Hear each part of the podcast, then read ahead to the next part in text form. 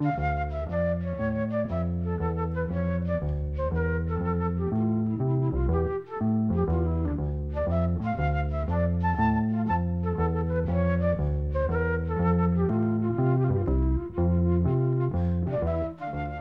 sæl. Ian Anderson og Mikka Abrahams gerðu báði tilkatt til þess að teljast höfuðpaurar Jethro Tull þegar fyrsta plata þeirra sveitar var gefin út. Þeir voru báði söngvarar og hljóðfarleikarar og lagasmiðir. Fljóðlega kom í ljós að þeir höfðu ekki sömu sín á það hvert skildi stefna í tónlistinni. Eins og svo margar enskar hljónsettir byrjuðu þeir á því að spila blues og jazz en það var uppáhalds tónlistastefna Mix Abrahams. Ian Anderson var hins vegar hrifnari á þjóðlögatónlist í bland við vandaða rocktónlist. Engu að síður samti hann ágætis blueslag fyrir fyrstu blötu Jethro Tull sem að heitir This Was. Það er Ian Anderson sem að blæsi munnarpu og syngur en Mikka Abrahams leikur á gítarin í blúsnum The Sun Won't Shine For You.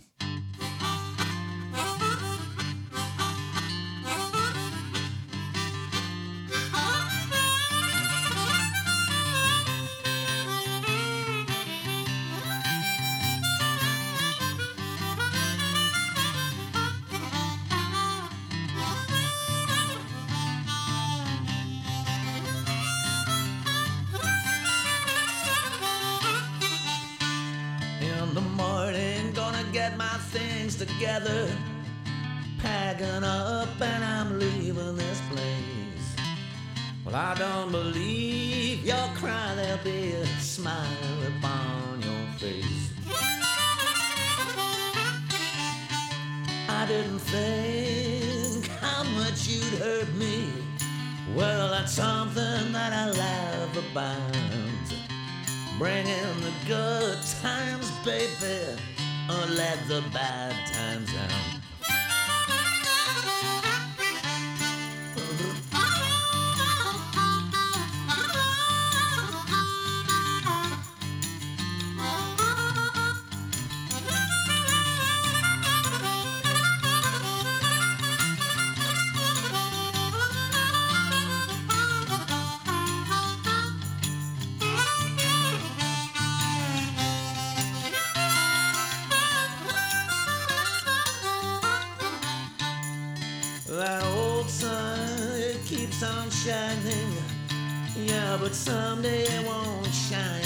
You.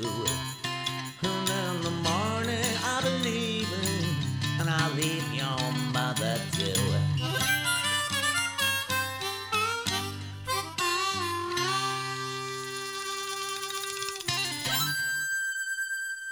Ian Anderson söng The Sun Won't Shine For You lag sem er að finna á fyrstu breyðskjöfu Jethro Tull plata sem hétt This Was og var gefin út 4. oktober 1968.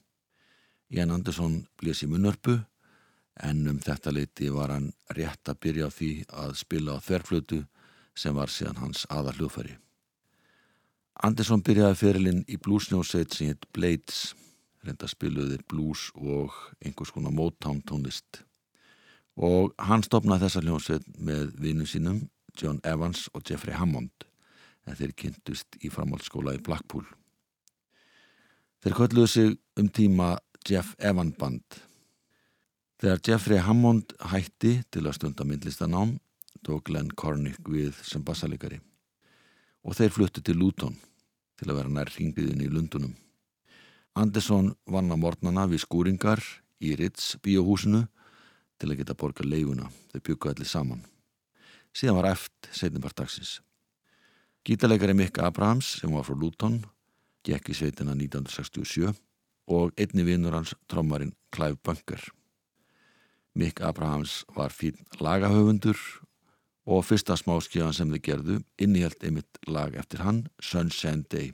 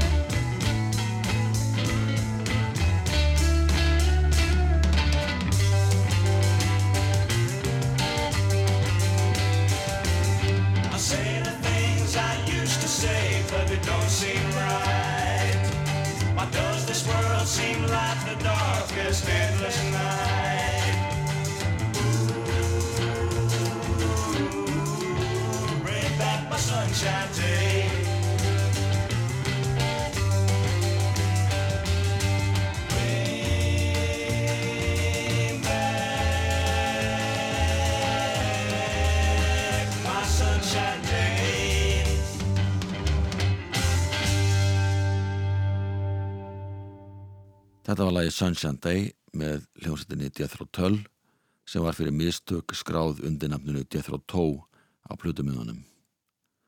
Þarna sunguðu saman Ian Anderson og Mick Abrahams. Lagið er eftir Mick. Fljótlega skapaðist tókstyrta millir þessara tvekja manna um það hvort þeirra ætti að vera aðalsöngvari og fóringi í hljómsveitinni. Einnum það hvort væri betri lagasmiður. Hljómsveitin skipti ofta nafn áður en að starfsmáður bókunafyrirtækis sá mikill áhuga með um breska sögu stakk upp á nafninu Jethro Tull. Það var nafnið á breskum átjóndaldar frumkvöðliði jarðirkju sem hafði fundið upp tæki sem dreyið var að hestum og sáði frægi í agurmold í beinaræðir. Mikka Abrahams let til sín taka á fyrstu stóru plötunni sem að kom út með Jethro Tull og við heyrim hér lag eftir hann Move On Alone og það er hann sem syngur.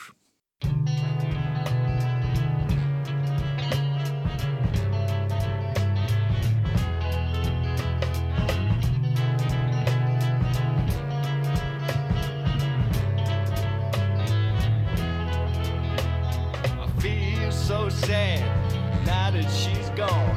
I've been loving that woman too long. There's no place to go, cause my friends have all moved. Got nothing but sit in the sun. Got tired of crying.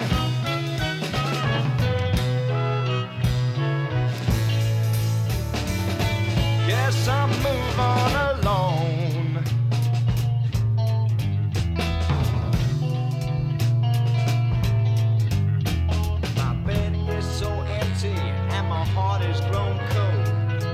Just die before I grow old. Place is untidy, that's cause I ain't done my dirt. I just grown tired of thinking. Got tired of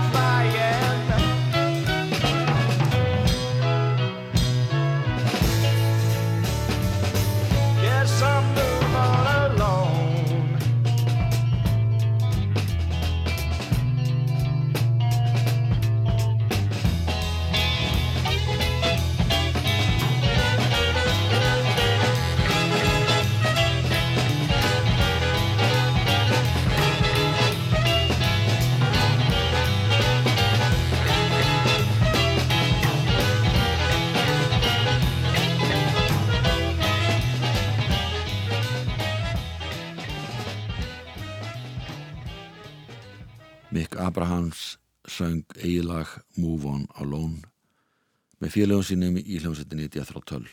Þetta lag kom út á fyrstu stóru plötu þeirra haustið 1968. Eins og oft er með hljómsveitir þá voru þeir óráðunir um það hvað sveitin ætti að heita. En þegar marki klúpurinn í Lundunum auðlisti nýja og spennandi hljómsveit sem hétt Jethro Tull var ekki aftur snúið.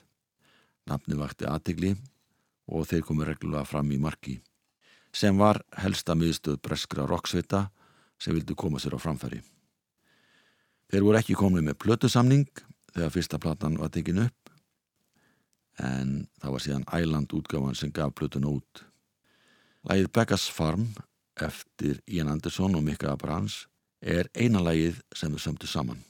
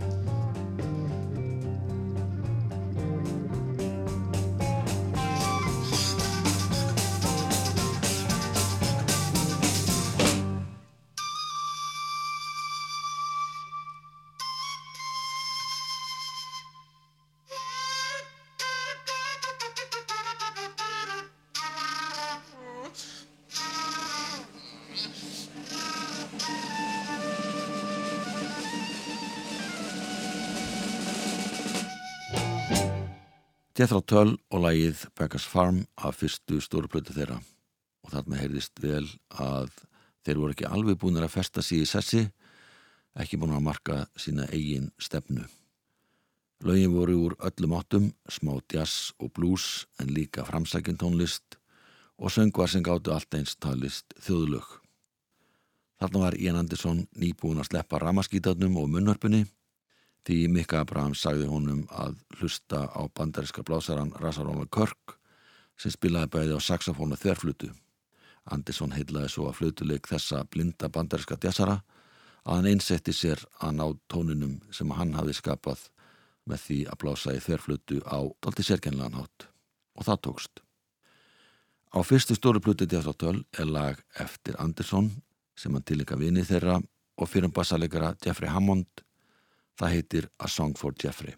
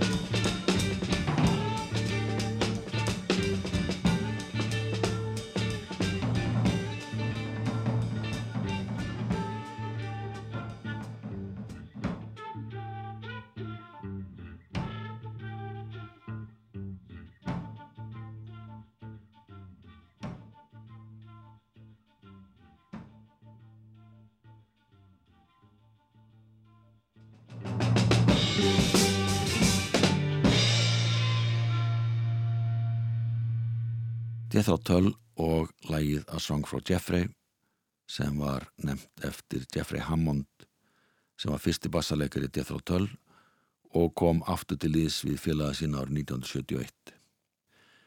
Á næstu plötu er annar lag sem er tilika honum en það heitir Jeffrey Goes to Leicester Square. Og á þriði breyskífunni er lagið Michael Collins, Jeffrey and Me. Þetta var einhvers konar ákall og það er svo sem ekkert skrítið að Jeffrey hafi hlýtt kallinu og gengið aftur til íðs við æskuvinni sína frá Blackpool. Hann starfaði með þeim til ásins 1975. Þá snýra sér alferða málarlist og hætti að spila bassa. Jeffrey átti hugmyndana því að Jan Andersson prófaði að festa munstykki af leikfangasaxafóni og bjölluna á þörflutuna sem hann spilaði á og með þessu skapaðist sérstaðu hljómur. Það er ekki beinlega sagt að átt að segja á því að Ian Anderson hefur ekki spilað á þverflutunum að í nokkra mánu þegar að fyrsta hljómplatan er tekin upp. Maður heyrir svo sem yngan byrjendabrag á læginu sem að hljómar hér á ettir, My Sunday Feeling.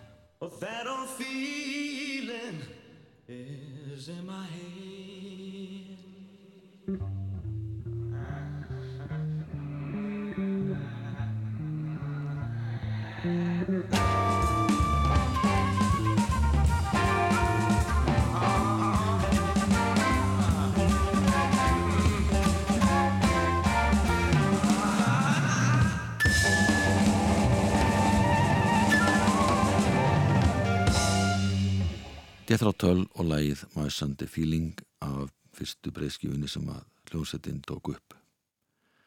En þegar þessi plata kom á markað voru strax komni brestir í samstarfið. Ian Anderson hafði mestan áhuga því að spila folkrock en Mikka Abrahams vildi helst spila blues með sterkum jazzáhrifum. Hann hætti því í hljómsveitinni tveimur mánuðum eftir að fyrsta plata var gefin út og stopnaði aðra hljómsveit, Bloodin Pig. Hann réði saxofón og flautuleikaran Jack Lancaster sem spila á tvo saxofóna í einu, líkt og Rasaróla Körk gerði. Hinnir meðlumitni voru bassaleikarin Andy Pyle og trómarinn Ron Berg. Og þessi hljómsveit náði mjög vel saman, var ein af uppáðsljómsveitum annara tónlistamanna en blödu þeirra seldust ekkert sérstaklega vel.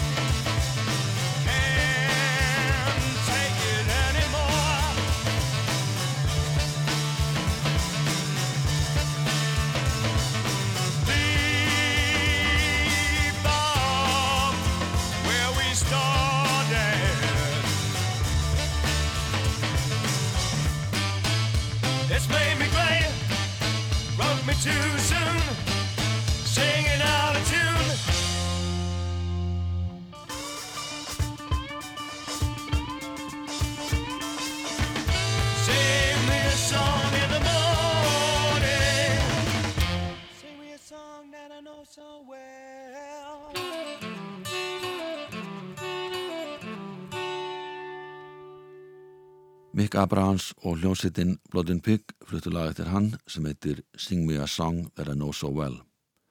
Þetta er að blutinni A Head Rings Out sem var gefin út árið 1969. Það voru bísna margi sem spáðu þessari hljómsveit miklu meiri vinsældum en Jethro Tull en reyndin varð allt önnur. Þegar Bloodin Pig hafði gert tvær mjög metnaði fulla plötur, hætti Mick Abrahams og stopnaði enn eina hljómsveitina og nefndi hana í þetta sinn Mick Abrahams band. Þeir hölluðu sér að blúsnum í meira mæli en Bloodin Pig hafði gert. Þessi spila með Mick Abrahams eru orgeleikarin Bob Sargent, bassaleikarin Walt Monahan og trommarin Richie Dharma og svona hljómalagið Greyhound Bus.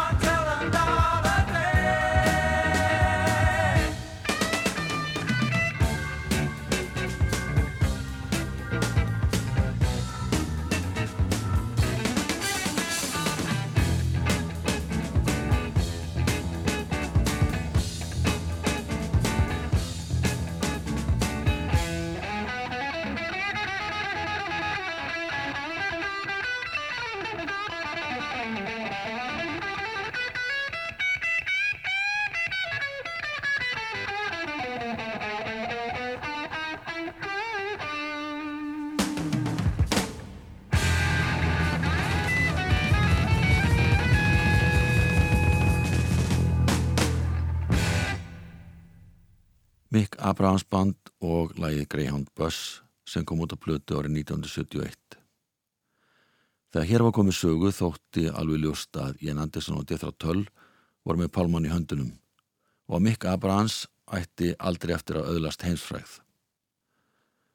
Tull-félagar prófuðu nokkra gítarleikara áður en að Martin Barr var ráðinn í staðin fyrir Mick Abrahams. Hljómsveitin hitaði upp hjá Jimi Hendrix sem fór í ferðalag um Norðurlöndin. Þeir fóru síðan í hljómlingaferðum bandarikinn með hljómsveitunum Led Zeppelin og Vanilla Fudge. Þar komi ljós að þá vantaði tilfinnilega vinsalt lag sem geti liftið hærra. Umbúsmaður Terry Ellis bað þá Ian Anderson um að semja lag sem geti virka bæði í bandarikunum og Breitlandi. Og lagið sem kom út úr þessu heitir Living in the Past.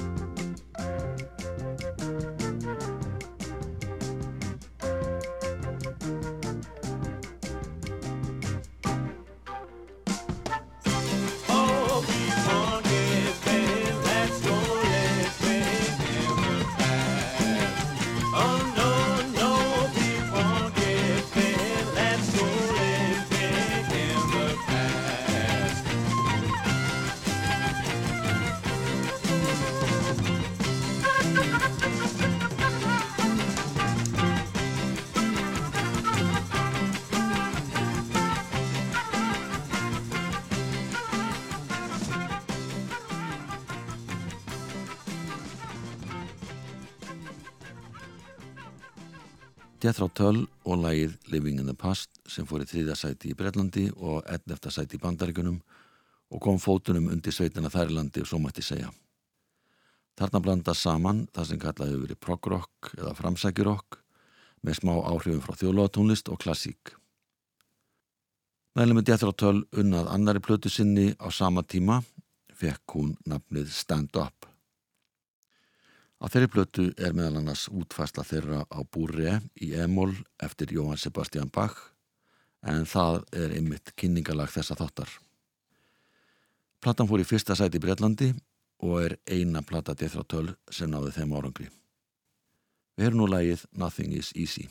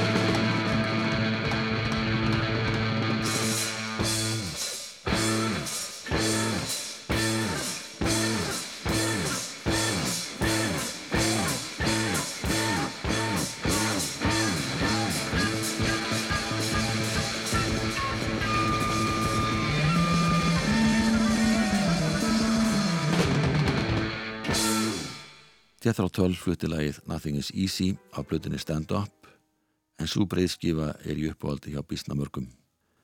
John Evan var orgelleikari og aðamadurinn í fyrstu hljómsveitinni sem Ian Anderson starfaði með en Evan hætti um líktleiti og Jethro Tull gerði fyrstu blödu sína.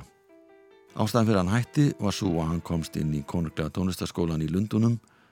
Hann bjó reyndar allan tíman í sömu íbúð og Ian Anderson sem gæti síðan lokkaði hann til að spila á næstu blödu sem fekk náttúrulega benefit.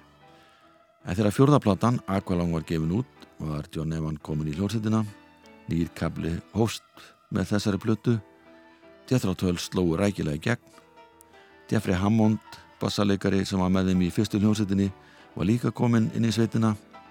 Það má því segja að Ian Anderson hafi náð að endurresa úningasveitina sem var stopnaði í Blackpool á sínum tíma. Þetta maður ljúka þættinum á læginu Locomotive Breath.